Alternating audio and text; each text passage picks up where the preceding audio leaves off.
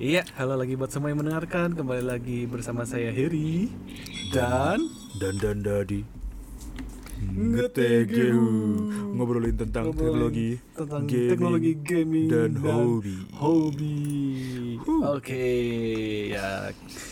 Kali ini kita itu ya, kita mau sesuai request kita ya, request seorang pendengar kita nih. Iya. betul sekali email nih. pendengar tidak setia katanya tapi alhamdulillah dengar berarti kan sebenarnya kalau dia Iya, iya, iya.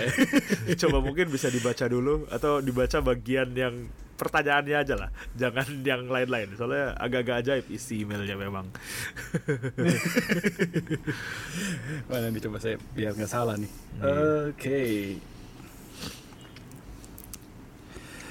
Request dong topik Joker tusuk-tusuk atau kriminal Jepang. hmm Itu kali ya. Joker tusuk-tusuk ya jadi Joker tusuk-tusuk. Ya, jadi Ya. kita ini sempat bahas sebenarnya. ya kita juga Sempat ngebahasnya bahas agak sekilas. lewat lah ya biar kesannya sekilas tidak banget. gimana gitu jadi Karena emang topiknya kemarin bukan itu ya. Iya, dan kita turut berduka cita juga atas kejadian seperti itu. Bukan bermaksud kita benar untuk sekali. mendukung ya, tapi kita ingin membahas dan selain kasus Halloween itu juga bakal ada beberapa kasus yang ingin kita bahas juga ya. Jadi ini Iya, apa istilahnya? Informatif lah ya untuk sebagai pengetahuan saja. Seperti itu. Hmm, gitu. Ya, jadi tadi topiknya dari Bapak Willy ya sebenarnya. Iya, Terima oh, boleh Bapak disebut. Willy boleh sudah- sebut namanya. Baiklah, terima kasih Bapak Sebut Willy. aja, sebut aja. Terima kasih Bapak Willy sudah memberikan topik. Jadi ya Iya. kita bahas nih. Iya, Eh, buat yang lain juga kalau mau ngasih topik ya? silakan ya. Ya, benar benar benar. Langsung Siapa tahu mau ke ikutan email masuk ke Twitter sini ya. Ngetegehu betul sekali disebut sekali. namanya nanti. Iya.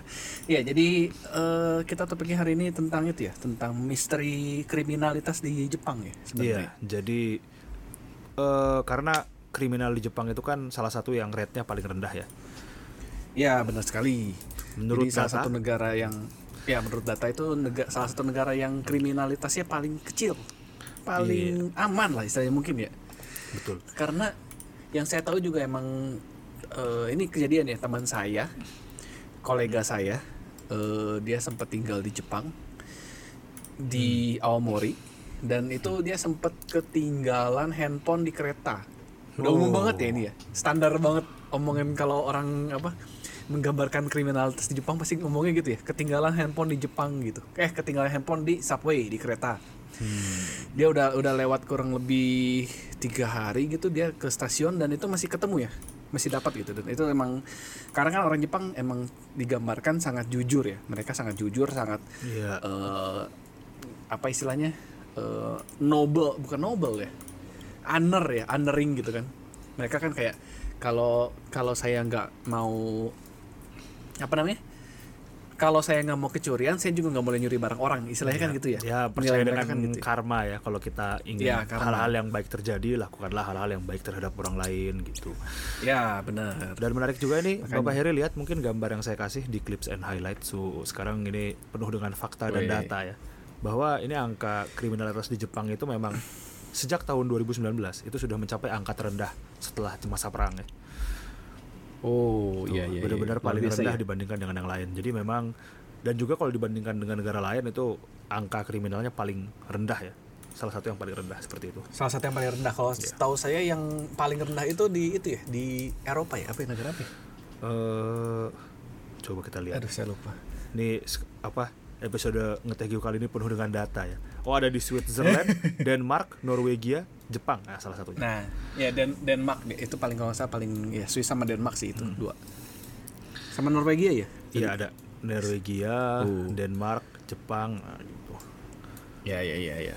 Itu negara-negara bahkan hitungannya negara-negara yang salah, salah satu eh salah empat negara itu negara-negara yang paling bersih di dunia ya Iya. hitungannya. Dan di Jepang sendiri kan undang-undang untuk pengaturan tentang pemegangan pemegangan senjata api itu juga paling ketat ya. Bahkan Paling dulu kan ketat, ada iya. kasusnya yang ngeprint model plastik. Jadi pistol plastik Iya. Itu- Itu di print ya. ya itu ditangkap juga kayak gitu. Jadi memang seketat Hmm. itu gitu loh. Ya memang eh, Jepang cukup ketat ya kalau dari kepolisiannya pun cukup ketat bahkan kan kayak anime sendiri kan di Jepang emang itu ya kayak pembajakan anime itu sangat serius ya kriminalitas yang cukup serius di Jepang Betul betul. sampai ya yang beberapa yang kayak ngasih yang saya tahu itu ya kayak di bioskop itu makanya kayak film bioskop di Jepang kayak gampangnya itu kayak detektif Conan gitu kan Ka- kayak kita kalau ke dark side-nya internet itu jarang banget kan nemu kayak cam rip gitu kan ke istilah cam rip gitu, tahu iya, ya. kayak merip jalan. Itu itu itu jarang banget gitu Iya, karena itu kan bahkan ada maskotnya ya mereka. Jadi bikin maskot buat Hmm. bioskop orang pakai kepalanya itu tapi kamera gitu. Jadi janganlah Oh, jadi iya? seperti kalian. Itu ada, itu di Jepang kayak gitu ada. Oh iya iya iya iya. ya itu makanya jadi eh, orang Jepangnya sendiri bener-bener di dari kecil itu diajarkan untuk tertib ya sangat tertib gitu. kayak baris itu pasti harus baris Betul. untuk segala macam juga makanya ya jadi sangat Sudah. mengikuti aturan Sudah cukup jelas lah ya bahwa di Jepang itu memang sangat Hmm. sangat nyaman, sangat aman lebih tepatnya. sangat aman Nah, tapi akan tetapi barengan nih kita ya. Iya, akan tetapi ketika karena ya aman jadinya yang dark side-nya jadi lebih jelas terlihat ya. Jadi sekalinya ada heboh. ya sekalinya ada heboh banget dan kadang hebohnya tuh sampai eh udah tingkatannya udah kayak hampir kayak itu ya hampir kayak beberapa yang yang bakal kita bahas juga hampir kayak itu ya tindakan terorisme ya sebenarnya ya. Iya benar tindakan terorisme yang cukup banyak dan eh maaf mohon maaf pembunuhan pembunuhan yang homicide yang cukup keji homicide yang yang cukup keji gitu ya ya ya ya. Jadi nah, ini kita mau mau yang mana dulu yang nih? mana dulu nih Sebenarnya ada yang paling terkenal. yang saya tahu dulu aja nih Boleh, yang boleh, saya tahu boleh. ya saya eh, dan Danda lebih nge-research yang ini Eh, topik yang sekarang itu dan Danda lebih banyak yang research cuman yang terkenal nih yang saya tahu ya eh tolong dikoreksi kalau salah dan Danda karena Boleh, ini boleh. dari ingatan saya bukan dari fakta. Jadi eh di Jepang itu ada satu orang yang public figure. Nah ini nih. Eh, oh ya ini ada di sini. Ya jadi tahun 95 ya. Oh. sarin gas attack. Eh, jadi serangan gas di subway. Hmm. jadi serangan gas ini sebenarnya dikepalai sama ada satu kayak cult leader ya. Ini cult ya sebenarnya hitungannya Iya, jadi satu itu. memang kan kult banyak ya di Jepang. Mereka lihat dibolehin Ya, lah kult itu banyak. bikin sebanyak-banyaknya gitu sebenarnya. Banyak banget di situ. Hmm. ya jadi di di sini tuh ada kayak cult gitu saya juga nggak nggak bisa terlalu banyak cuman saya sempat tahu sih sempat sempat nonton dokumentasinya nah si, si kayak cult leader ini tuh udah kayak nyuruh si anak buahnya untuk kayak eh, udah ya biasa lah ya kalau kayak cult gitu kan eh, sudah saatnya eh, kita melakukan tindakan yang ekstrim terus kayak mereka tuh masuk ke subway terus kayak kurang di sini sih ya, tulisannya itu ya lima lima kantong poisonous gas jadi poisonous gasnya itu nggak reaktif cuman kalau dibolongin itu langsung eh, bereaksi gasnya jadi mengeluarkan asap ya. Asapnya pun saya lihat di videonya udah kayak kebakaran ya hampir kayak kebakaran gitu. Oh. dan dan itu kan eh, mohon maaf ya eh, ya ini balik lagi ya eh, sebelum kita bahas lebih lanjut ini kan kita bahas topik agak agak dewasa ya. Jadi kalau Iya. ada ada ada anak-anak ini mungkin episode kali ini jangan itu ya jangan didengarkan dengan speaker yang cukup keras kali ya karena kita bakal bahas yang cukup. Buat anak-anak juga eh, mending skip aja ke episode berikutnya. iya iya Iya, iya, tapi skip- skip kalau episode ngel- berikutnya ngeliat ya episode bak- sebelumnya- tindakan kriminal ya. Kalau ngeliat episode sebelumnya pacar sewaan juga kayaknya sudah juga tidak cocok buat ya mungkin kalau ini kita hari ini agak M-rated ya agak agak mature ya topiknya. Iya. jadi ya dan yang mungkin agak sensitif juga eh, kita kasih warning juga di sini ya.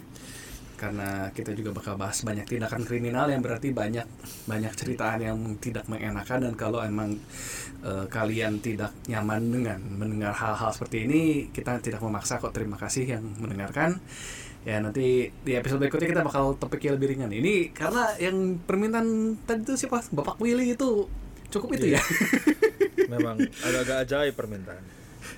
ya tapi nggak apa-apa sih. Kita kita terima sih. Bagus sih ini topiknya. Emang emang saya juga semangat nih bahasnya. Nah itu ya balik lagi ya.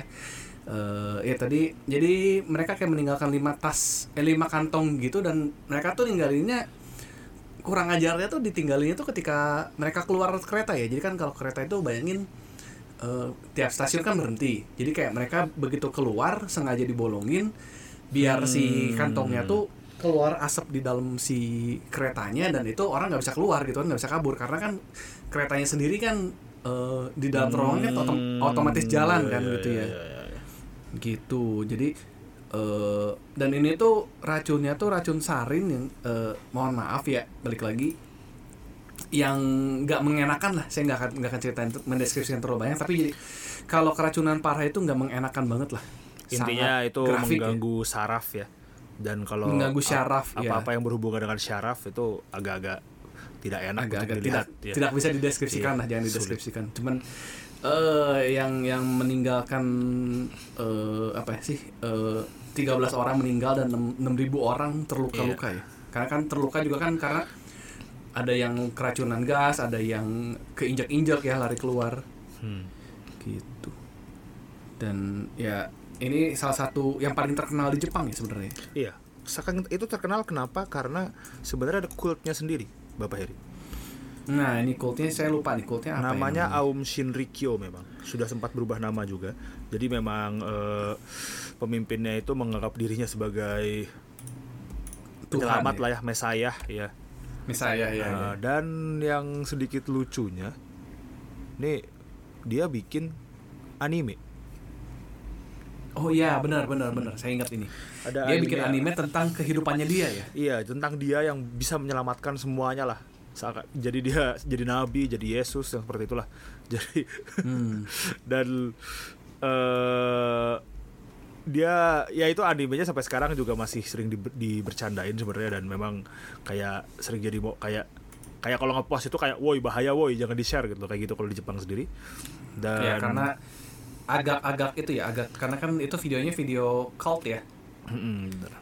Jadi takutnya eh karena emang salah satu teknik cult sendiri kan emang teknik pencucian otak ya. Ini bukan bukan bercanda tapi emang emang salah satu cara mereka itu cuci otak gitu kan. betul betul Yang satu juga di kayak di eh, ceritaan yang di eh, Korea ya. Korea juga kan ada banyak cult kan sebenarnya ya. banyak karena Banyak memang di sana agama lebih bebas ya daripada kita Agama lebih bebas. Hmm, jadinya Dan semua yang saya tahu itu ada ada cult yang menyamar jadi cabang dari agama Kristen kalau di, di Hmm. Korea ya.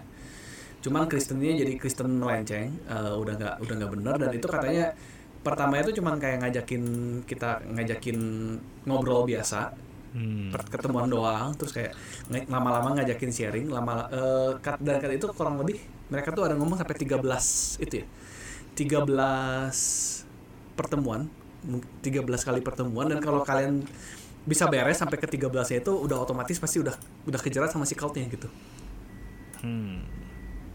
Bingung kan? Nah saya juga bingung. Maksudnya teknik tekniknya pun eh, sempat bocor tapi saya nggak nggak bisa bahas terlalu banyak karena saya juga nggak hafal ya itu kayak.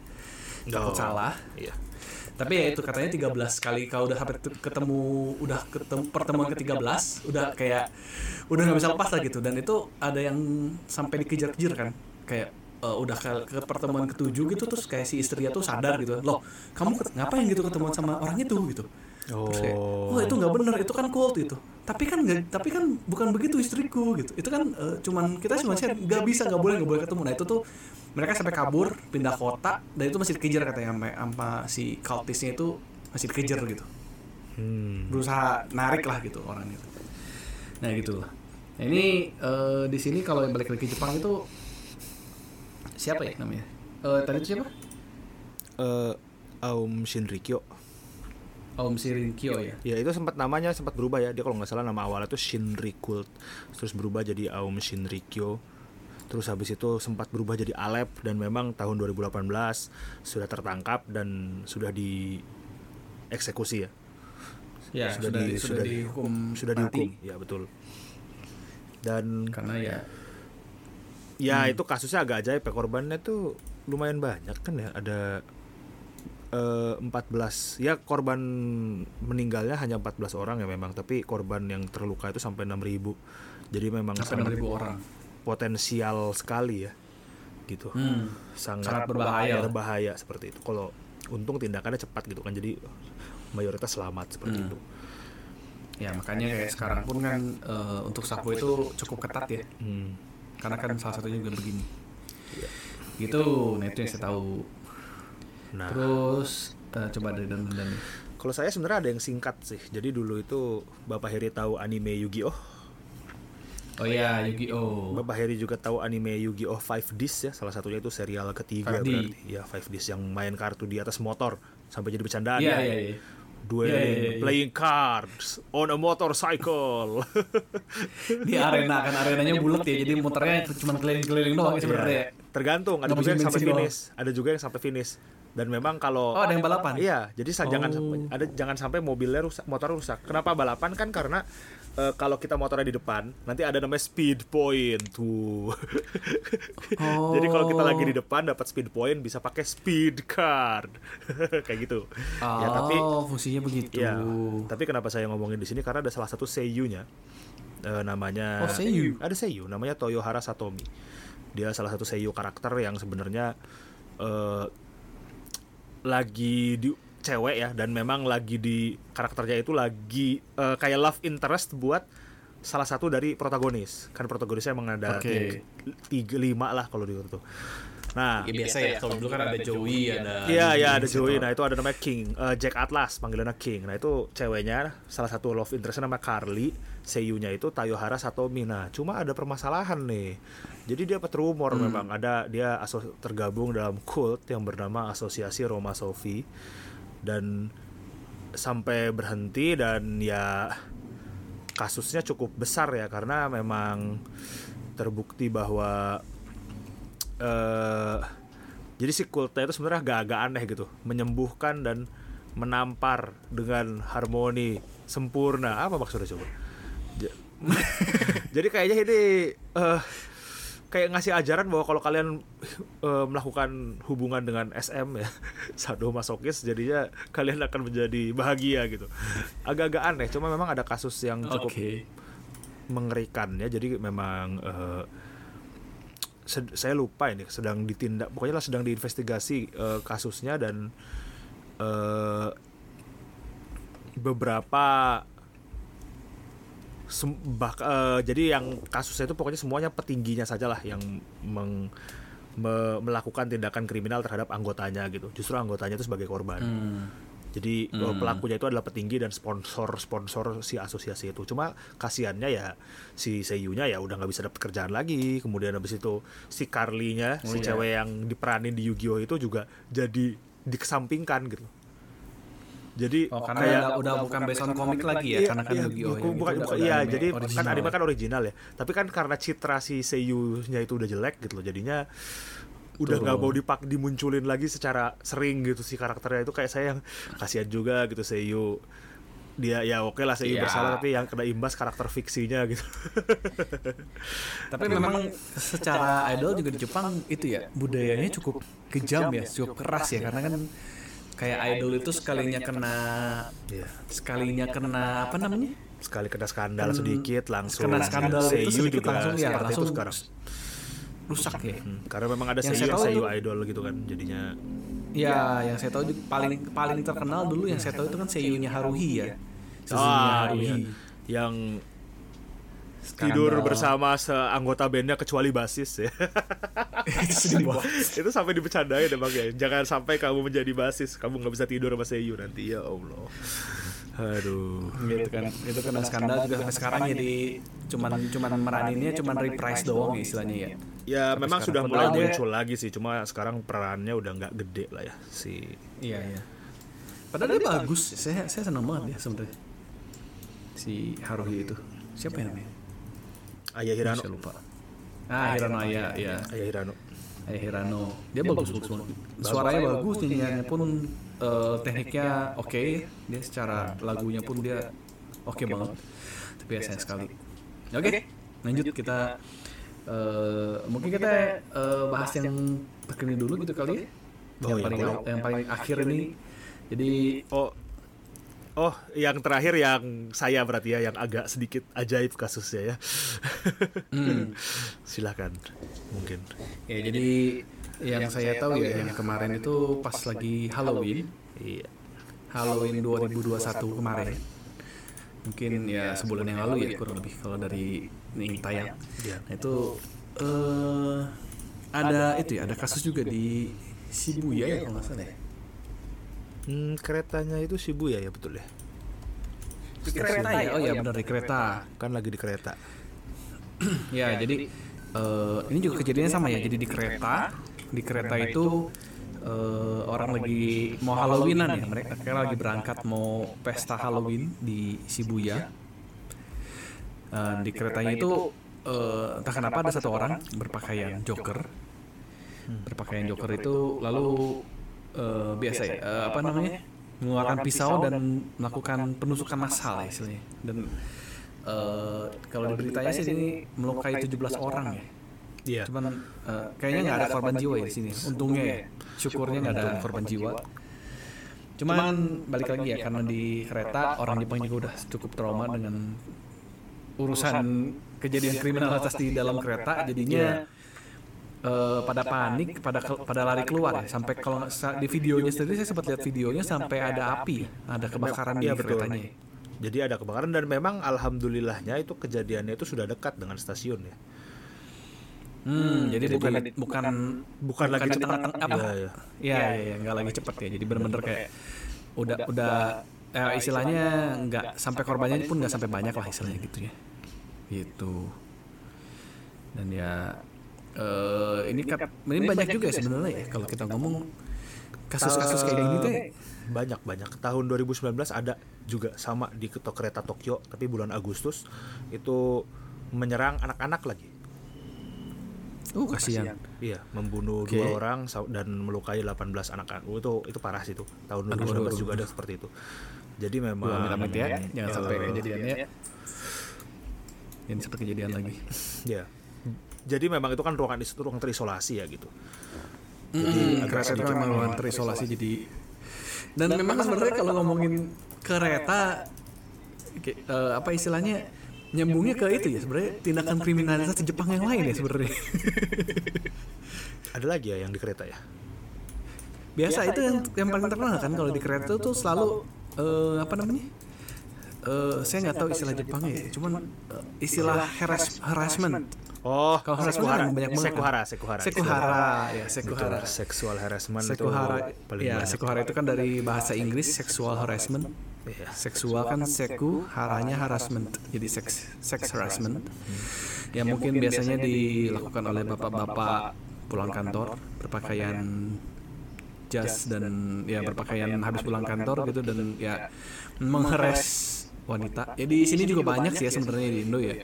Makanya kan kalau di Indo sendiri untungnya udah ada kayak kereta khusus untuk wanita ya betul gitu cuman ya entah kenapa kalau Jepang yang ininya banyak sih ya Iya, agak-agak ya gimana ya. Tapi mungkin kalau detailnya sendiri buat yang kasus Halloween ini ya.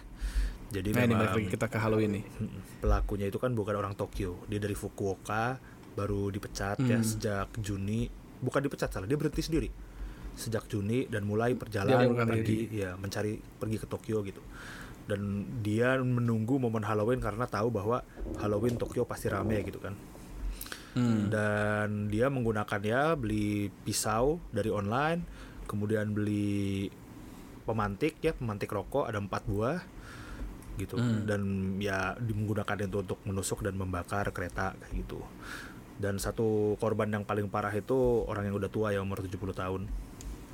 Tapi untungnya selamat ya? Ya, ya saya kurang tahu sih detail apakah setelah itu selamat atau enggak mungkin ya insya Allah mudah-mudahan selamat. Eh, dan tapi yang cukup pengakuannya itu kan dia ngomong dia justru pengen mati ya si pelakunya itu. Si Joker ya banyaknya justru kalau yang penusukan masal itu emang emang kesamaannya tuh banyaknya yang udah depresi ya Iya, sudah depresi dia pengen mati, dia udah nggak mau hidup lagi. Tapi kan kalau minta orang lain membunuh atau apa mungkin malah nyusahin. Bunuh diri aja kan agak banyak juga ya di Jepang dan ya Nah, mungkin terdengar tidak manusiawi tapi menurut masyarakat Jepang sendiri itu malah menyusahkan kan.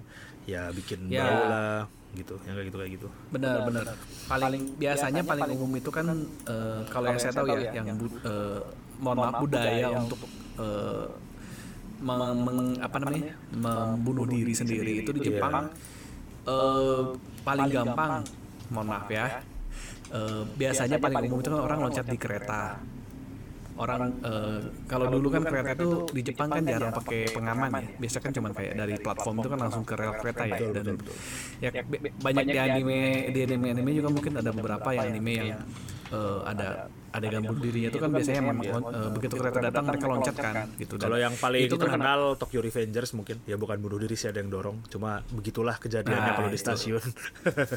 Ya itu makanya. Jadi kalau di kereta kan ada aturannya itu kan eh, mohon untuk berdiri di belakang garis kuning gitu kan karena ya memang berbahaya gitu kan. Gitu. Dan eh, kenapa dibilang merepotkan? Karena orang Jepang itu kan mereka fokus untuk bekerja ya, fokus untuk mencari nafkah karena kan budaya kerja sendiri Jepang kan sangat keras dan, dan kalau ada yang kejadian ada yang loncat dari kereta loncat ke ke platform itu kan otomatis jadwal kereta itu terganggu kan? ya. otomatis kan harus ada yang membersihkan lah gitu kan ada yang ya ada pokoknya kan harus ditolongin kan orangnya. Kalau Ya, kalau kalau ya, ya. selamat ya harus ditolongin kalau nggak pun ya nggak mungkin eh, berjalan seperti sehari-hari gitu kan. Pasti kan ditutup lah gitu kan stasiunnya. Dan itu jadinya kan mengganggu jadwal kereta kan. otomatis satu hari itu keretanya ngaco kan. dan itu ya buat orang-orang Jepang sendiri mereka kayak ih annoying gitu ya. ih nyebelin. walaupun wala- ya nggak bagus ya tradisi kayak gitu. Dan Ya, ya. setahu saya emang kalau eh, sampai ketahuan eh, dia masih punya keluarga nah biasanya itu nggak tahu sekarang masih apa enggak ya cuman yang terakhir yang saya tahu itu eh, keluarganya pun sampai dikasih eh, biaya untuk suruh ganti rugi. kasih bill dikasih bill. karena sudah merugikan perusahaan kereta eh, sudah bikin telat berapa kali kereta eh, jadi jadwalnya ada hilang berapa kereta nah itu harus ganti rugi keluarganya gitu. makanya biasanya kalau orang Jepang itu eh, banyak bunuh diri itu kan di itu ya di eh, hutan yang dekat itu ya dekat Gunung Fuji ya Betul, betul. nah biasanya eh, mereka ke hutan dan ya, Eh, hutan s- apa namanya Aokigahara ya yang sempat Aokigahara yang paling terkenal itu dulu karena Logan Ya. Paul ya. Logan Paul. Beneran menemukan itu ya menemukan jasad Ya, ya. di situ dan ya. eh ya itu kan karena kan di situ tengah hutan istilahnya paling tidak eh, mengganggu siapa-siapa ya, istilahnya gitu ya. kan ya. Ya nggak nggak mengganggu jadwal nggak mengganggu orang lain tidak kata apa namanya ya ya sudah gitu kan ya sudah pokoknya eh, selesai kan gitu di dalam. Jadi ya itu cukup horor juga ya sebenarnya kalau kita nyambung ke horor juga di situ kan sangat horor ya. hutannya daerah-daerah Gunung Fuji itu istilahnya udah udah mistis banget lah karena ya itulah Kalau maksudnya. Nggak salah itu memang juga daerah yang mah- eh, medan magnetnya cukup kuat ya. Jadi untuk sinyal gitu-gitu agak susah juga. Jadi memang bahaya. Ya, jadi eh dan ini saya juga ada, ada ceritaan juga yang mungkin di share walaupun nggak mengenakan ya tapi eh, masih nyambung ke situ. jadi eh ini tradisi Jepang zaman dulu banget. sekarang kayaknya udah nggak ada ya. ini ceritanya mu- mungkin waktu zaman perang gitu kayak kalau misalnya kalian oh bukan kalian. misalnya si orang Jepang itu di zaman perang gitu kan mereka mungkin susah makan atau gimana terus kayak si orang tuanya pun eh, kayak si udah kakek nenek gitu mereka ngomong eh, apa sih? Udahlah gitu. udah aja. Ya, ya, ya, ya. kamu nggak usah nggak usah ngasih saya makan gitu. Jadi kayak si si kakek neneknya tuh dibawa ke sini ditutup matanya biasanya kan gitu ya. kalau dulu ada ceritanya sih saya nggak tahu Aduh itu di komik apa ya? Saya juga pernah baca itu kayaknya. Iya, saya Pas pernah baca itu. Google bener ternyata kan kejadian benar gitu. Iya, jadi emang sama si anaknya tuh ngebawa orang tua mereka yang sudah tua ya ke sini ditutup matanya, terus kan kayak kayak orang tua dibawa ke hutan malam-malam, terus ditinggalin gitu kan ya, atuh, ya nggak bisa balik lagi kan gitu ya, Iya, iya. gitu dan ya itulah banyak yang green ya istilahnya ya, kayak gitu. Ya ya ya, tapi oke lah kita jangan di sana, jangan di Okigahara. Kita balik lagi ke Joker yang tadi. Ya sebenarnya detailnya udah cukup beres sih. ya gitu. Jadi memang kereta ya cukup mengerikan dan mungkin. Dan ya memang agak sulit mungkin ya tapi kan memang rakyat Jepang sudah terbiasa ya dengan mengatasi apa bencana ya. Jadi harusnya Iya. Udah Iya, udah iya, lebih lebih fasih lah istilahnya kan kalau udah. Dan emang emang di Jepang sendiri kan yang tadi ya yang orang yang cukup stres itu eh, yang saya tahu juga waktu itu sempat ada ya yang di eh apa kalau yang Jepang itu kalau kalian anime itu ke mana ya? Jepang kenapa pusatnya anime di Tokyo. Oh. Akihabara, Akihabara. pusatnya. Akihabara ya itu.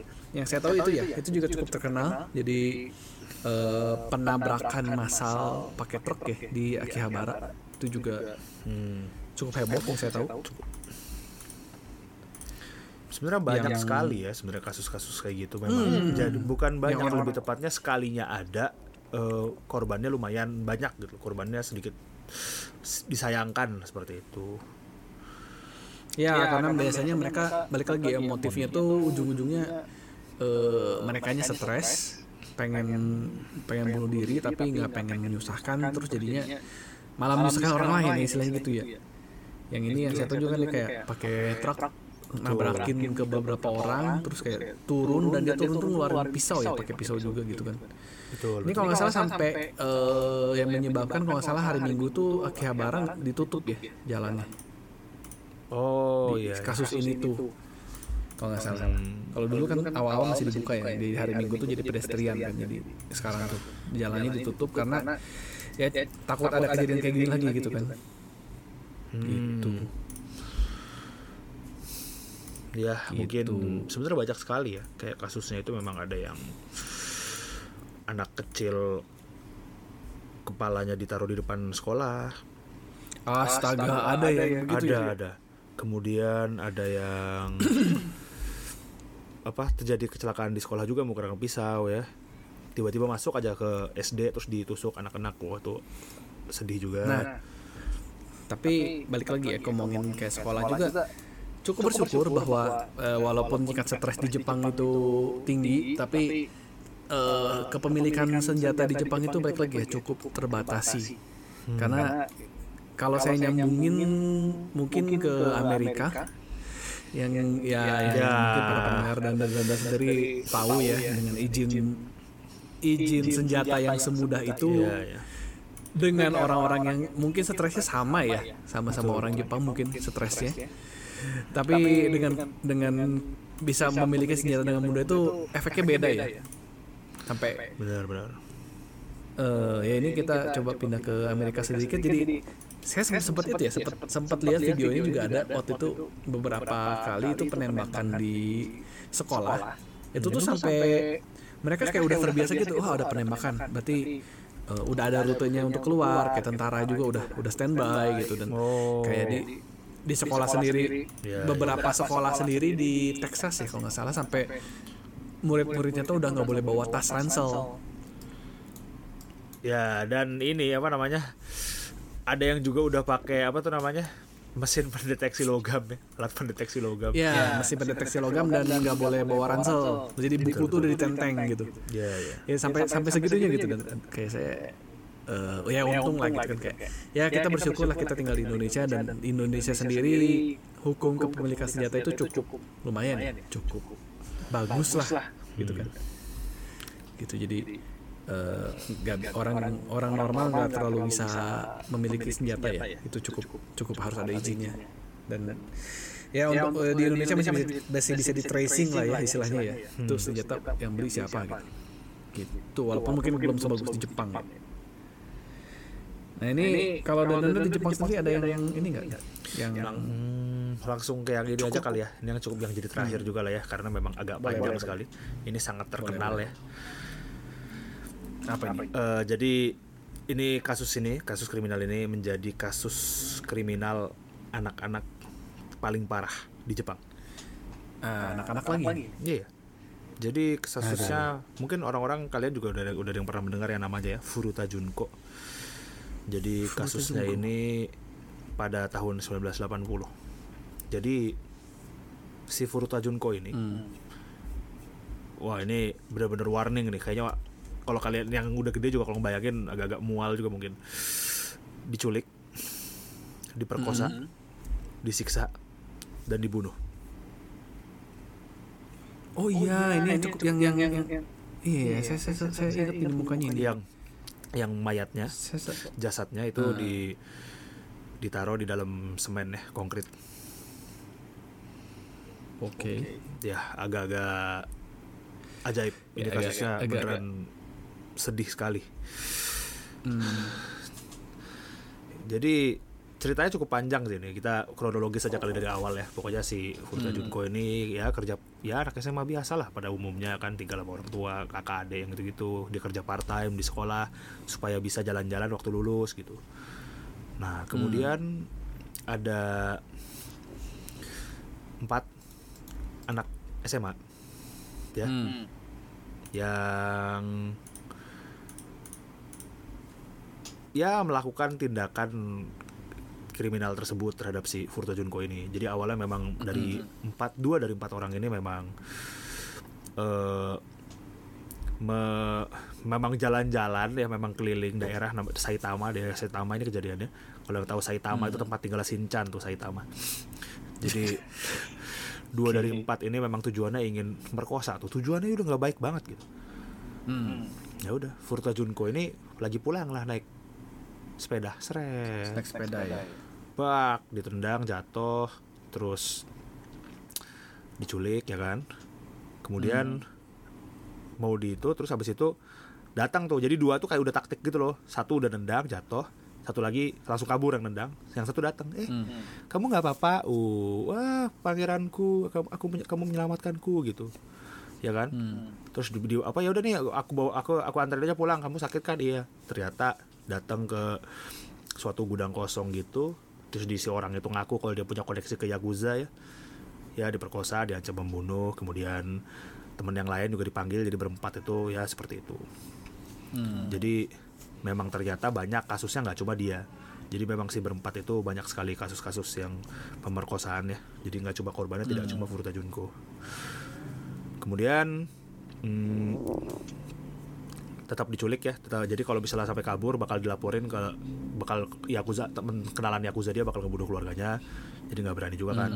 Dibawa ke rumah salah satu orang empat orang itu diperkosa lagi. Pokoknya emang di situ terus. Jadi menghilang selama 40 hari. Ya kan? 40 hari. Iya, orang tuanya ngelaporin ke polisi. Terus eh mereka yang ya terus mereka berempat maksa kalau si ke si Junko-nya bohong ngomong, "Oh, gue udah kabur, tapi gue lagi sama teman" gitu. Pokoknya memaksa Ya, bahwa suruh, supaya suruh, suruh telepon ke ibunya ya. Iya, jadi memaksa supaya ya sebenarnya nggak terjadi apa-apa gitu loh. Udah aman kok gitu. Jadi maksa juga supaya nggak boleh diinvestigasi polisi seperti itu. Hmm. Ya, sampai 40 hari itu kasusnya pokoknya parah banget ya kejadiannya. Kemudian kalau di Indonesia itu juga ada dulu ya, yang cewek, saya lupa juga namanya. Eh, ada juga mirip kasusnya seperti ini.